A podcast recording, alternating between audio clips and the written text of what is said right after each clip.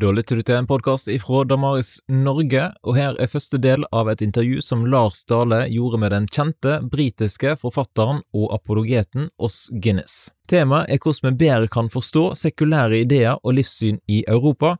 Intervjuet ble gjort i tilknytning til Lusanne Europes sin store online-konferanse Dynamic Gospel in a New Europe nå i november 2021. Welcome to this two-part series uh, uh, with uh, Os Guinness. A warm welcome to you, Os. Thank you. What a pleasure to be with you, Lars. And uh, uh, the, the context for this is the upcoming Lausanne Europe gathering. And this is hosted both by Lausanne Europe and by Damaris Norway. And we're going to address two themes. The first is understanding European secularism in this part.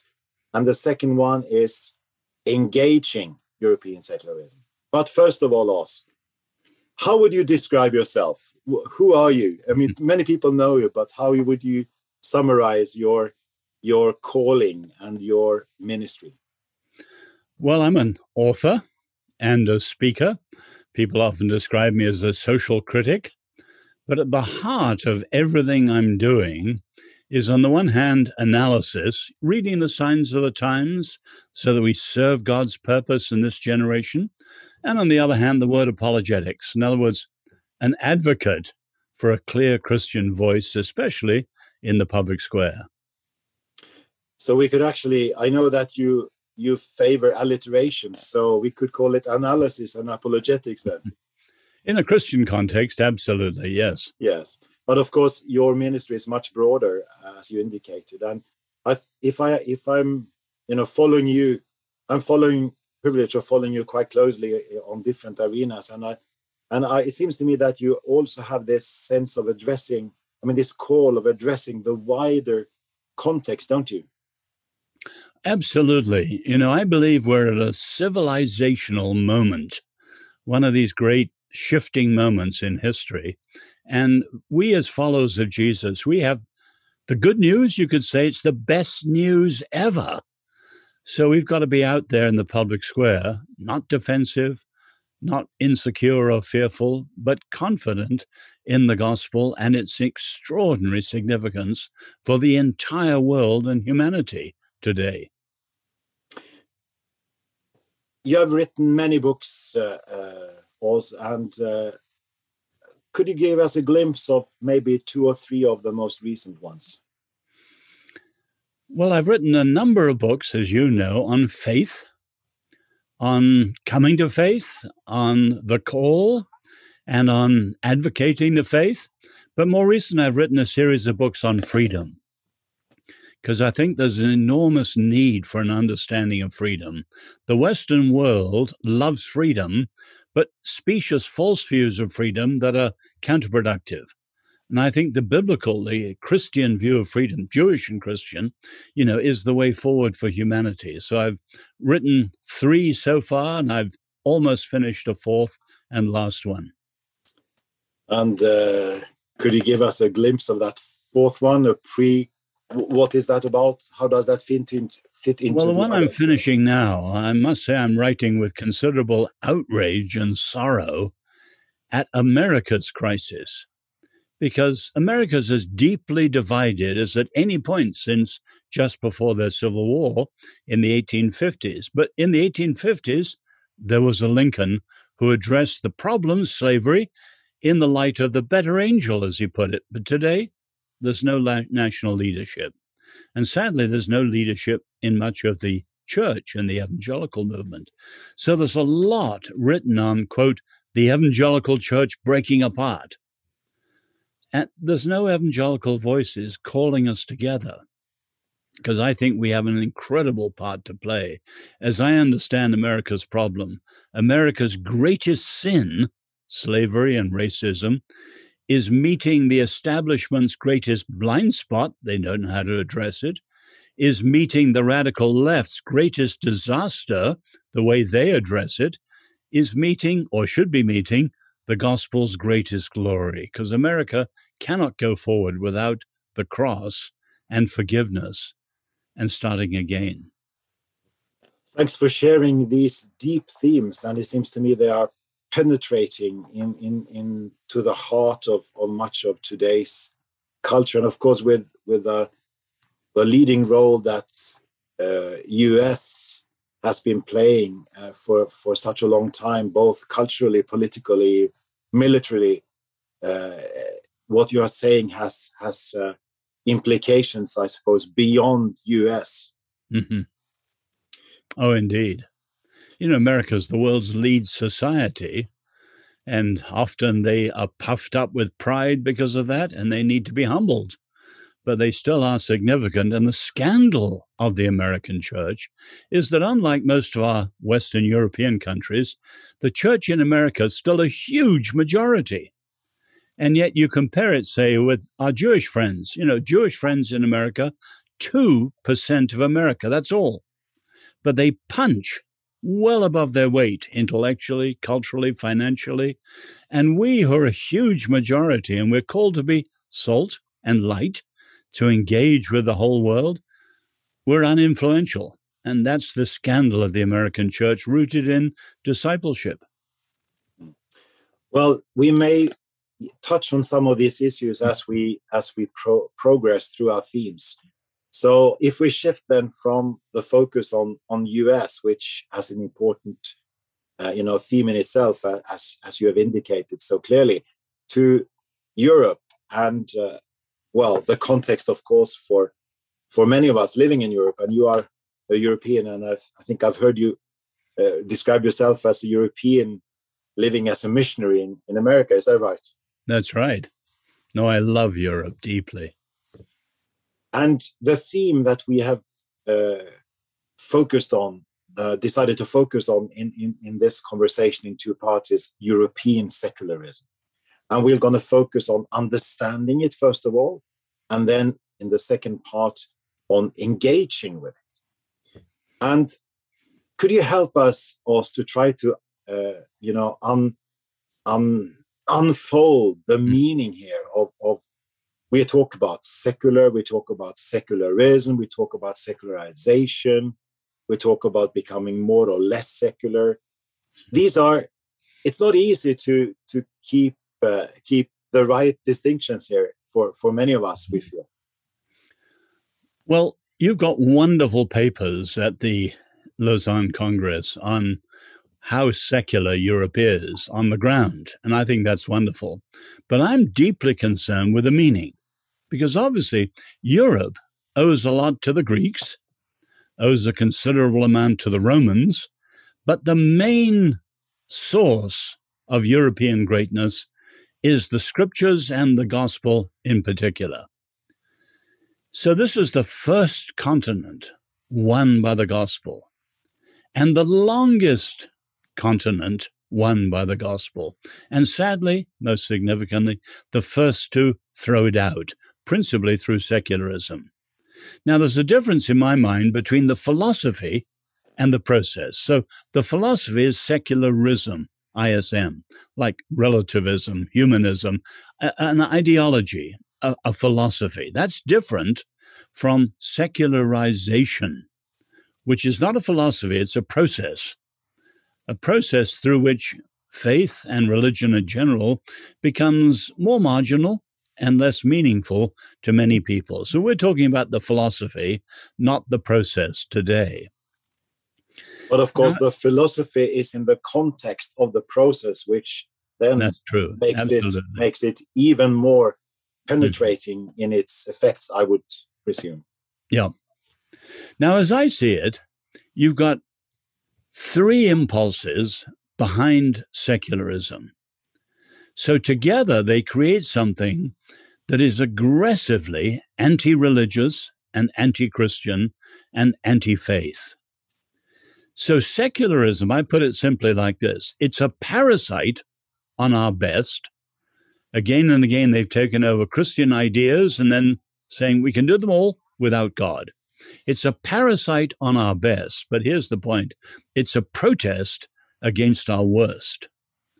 Because the deepest, strongest root, and I think there are three, is we don't want God. In other words, secularism is a revulsion against the corrupt and oppressive European state churches, typified in France by the Revolution.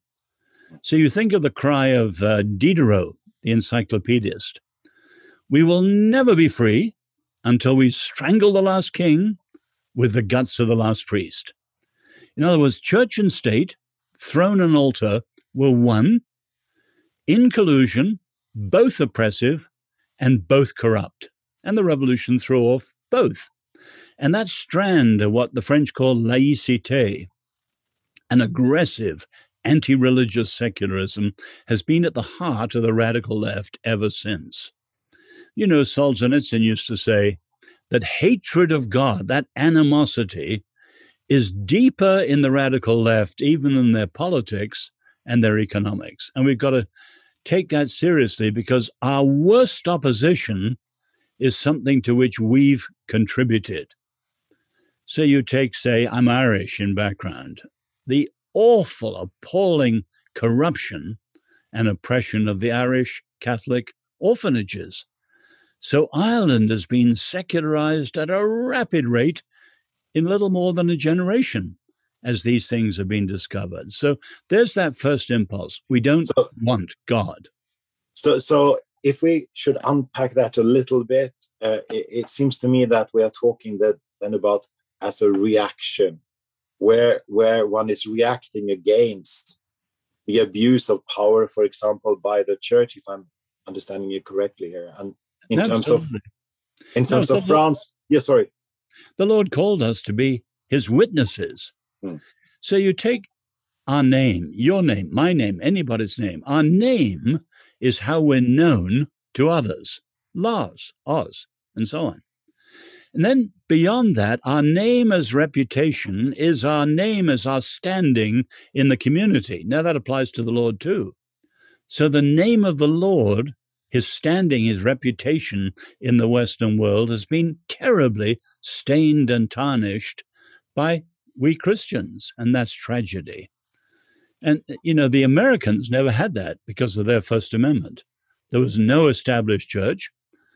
It was all voluntary based on the dictates of conscience. But with the recent excesses of the religious right, you've got an American style equivalent revulsion against faith in America. And that's tragic for America, just as it is in Europe. So, uh, what's the saying that if you marry the, the, the spirit of the age, you become a widow quite quickly? Isn't that a saying? Yeah. No, that's the saying of Dean Inge, the, the Dean of St. Paul's. And that's been the trouble over here, particularly of Christians who have chased after relevance.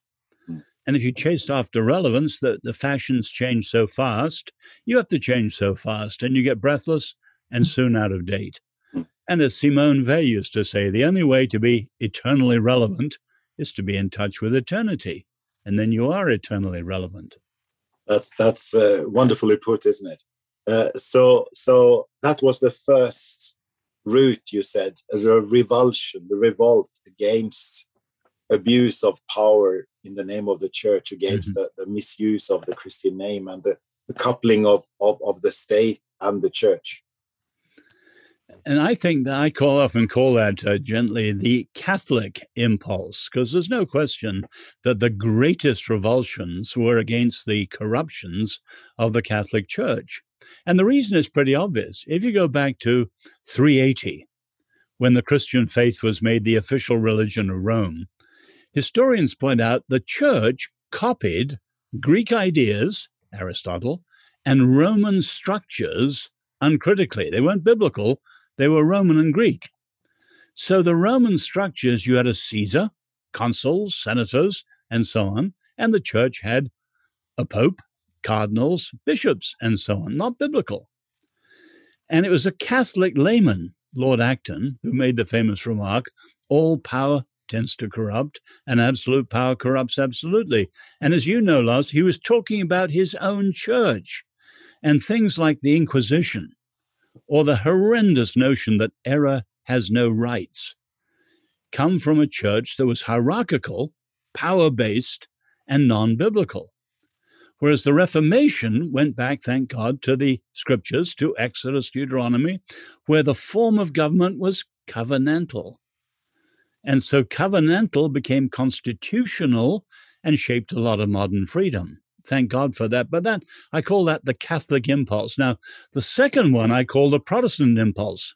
I was waiting for that, Os, to, to, to, so we are not without guilt. Oh, of course not. And I put it this way if the Catholic impulse led to the cry, we don't want God, the radical left, revolution, the Protestant impulse led to the cry, we don't need God. It was the northern European countries, Germany, Switzerland, Scandinavia, Britain, that were the Reformation countries. And of course, they adopted things like democracy and capitalism. They prospered, unlike, say, Southern Europe. Eh, but they bred such prosperity that people thought they could get away without any need of God.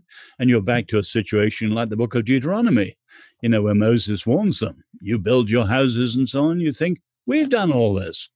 And you forget the Lord. And I think that's what's happened in Northern Europe, and certainly now in the whole of Europe and across America, Canada, Australia, New Zealand, and so on. The more advanced modern world with capitalism, technology, democracy, and all these things, we can do without God. The third impulse is the recent one. We can replace God. Now, that, of course, goes back to Genesis 3 you shall be as gods. But you see how that's been advanced through biogenetics, DNA in the 1950s. But now you have books like, say, Yuval Harari, Homo Deus, Man as God. So here you have extraordinary poignancy. A Jew writing from Jerusalem, the holy city, but as an atheist. And he says, science can do better than the Old Testament God, and we'll soon be on the edge of immortality, and we are the godlings on planet Earth. We can replace God, and you can see that attitude broadly. Now, there is, and last, I'd add one other category.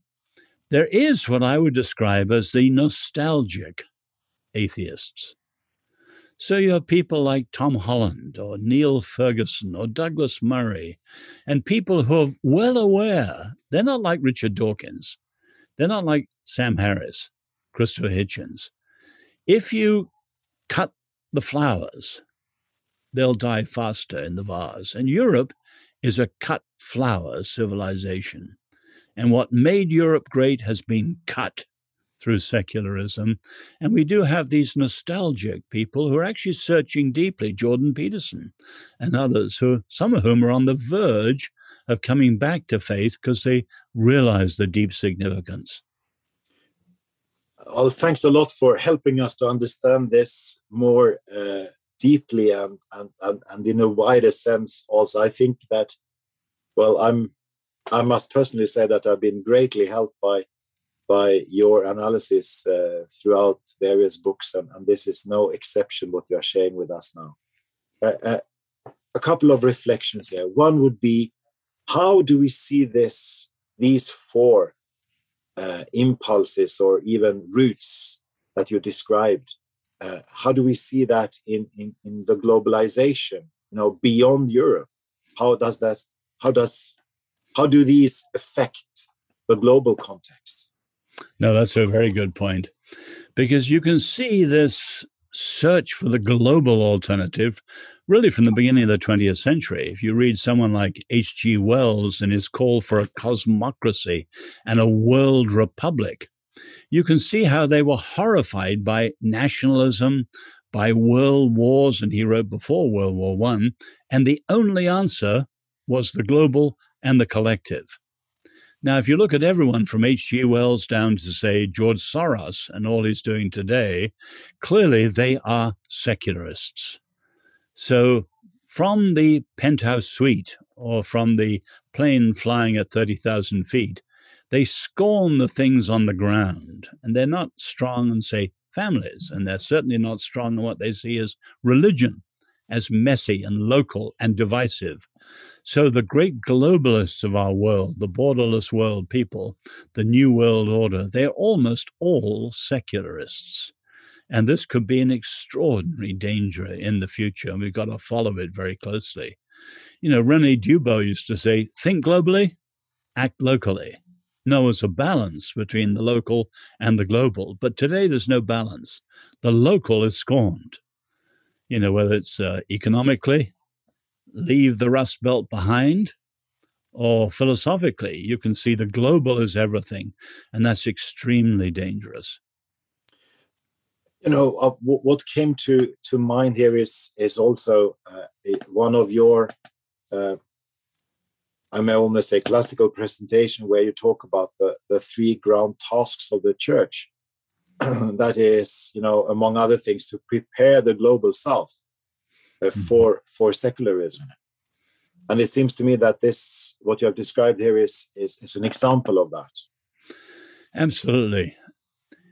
The gospel is exploding, as you know well, in the global south, sub Saharan Africa, Asia, where I happen to be born in China, is the epicenter of the fastest growth of the church, maybe in 2,000 years.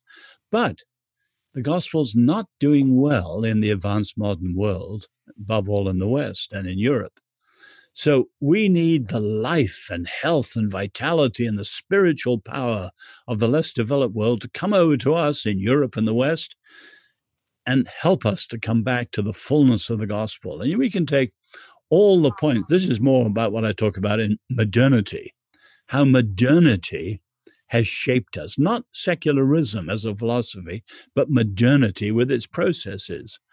So I, am daily trying to get Americans to see how they're often more um, modern and American than they are Christian, and they don't realize how it's happened.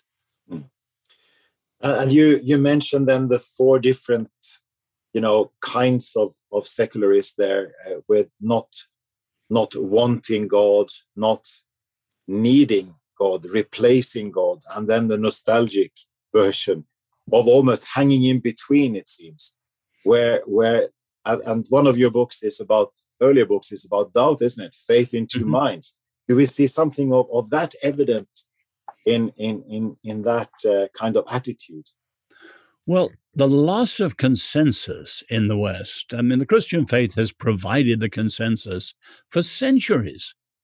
And so that loss of a Christian census left many Christians insecure and on the back foot, on the wrong side of history, as critics say, and so on. And so a lot of Christians who don't have a deep personal knowledge of the Lord and an understanding of why they believe what they believe and how they can share what they believe confidently, they're very prone to doubt, to being in two minds. Because obviously, we go to schools and colleges which tell us anything but the Christian faith and so on. So, a lot of Christians are caught in two minds. And it's a time to really go back to the basics of why we know the Lord and what it means to grow in knowing the Lord and how we can share it and so on. That's why Lausanne is so important. Thanks for for for almost ending on that note, uh, also. And if people would like to pursue these uh, these thoughts that you have shared now, where should they turn? Which what which books should they turn to in your authorship? Oh my! Well, a book in terms of um, understanding how the world shapes the church unawares, I've got a book called Impossible People. A book in terms of how we respond to it, Christian advocacy or apologetics, persuasion, my book, Fool's Talk. But most of my books are about these sorts of things in terms of discipleship itself, the call, and so on. Yes, and, and I must admit uh, also that your book, The Call, has been very influential for me in in keeping you know the the rich reformation understanding of calling at the mm-hmm. center and so many things fall into place so so thanks again for that major contribution through that book uh, i think we are approaching the end of of uh, uh, of this first part about understanding european secularism but let let's just uh, you know a final moment of, of, of, of we are going to address engaging European secularism. And what kind of routes will you lead us into as a teaser into the second second part here? Mm-hmm. Well, the key thing is to know we've been talking about philosophical trends at the grand level, ideologies, and so on. Because when we share our faith, it's personal and pastoral, not philosophical. So nobody is a card carrying perfect version of secularism or Marxism or whatever it is. So when we talk to people, it's quite different. We need to ask questions, to listen. Jesus talks about the treasure of your heart. In other words, we want to know what makes people tick. And it's much more than a philosophy or an ideology. And too many Christians make the mistake of understanding a philosophy and then just engaging with the philosophy, not with a person. So we need to keep that balance. And and uh, my dear wife and colleague Margunn, whom you know as well, she mm-hmm. often uses a quote from you, uh, Os. We don't see it because we see with it, and maybe that is also a way of summing up that we may be influenced by by these secular thoughts in a way that we are even unaware of. Uh, so, so thanks a lot for this uh, rich conversation, also, and we'll be back in the second part uh, addressing engaging European secularism. Thank My you. Privilege. Thank you. Da har du hørt første del av Lars Dale sin samtale med oss Guinness om sekulære ideer og livssyn i Europa. Tema for andre og siste episode er hvordan vi bør eh, møte disse sekulære utfordringene som kristne enkeltpersoner, forsamlinger, organisasjoner og institusjoner. Takk for at du lytter til Damaris Norge sin podkast. Har du lyst til å støtte arbeidet til Damaris, så går du til damaris.no, så finner du informasjon om hvordan du kan gjøre det der. Vi setter stor pris på alle de som har lyst til å være med og bidra til at Damaris Norge kan fortsette å publisere gode apologetiske ressurser, både i podkasten, på Snakk om tro og de andre nettsidene som vi har i Damaris Norge.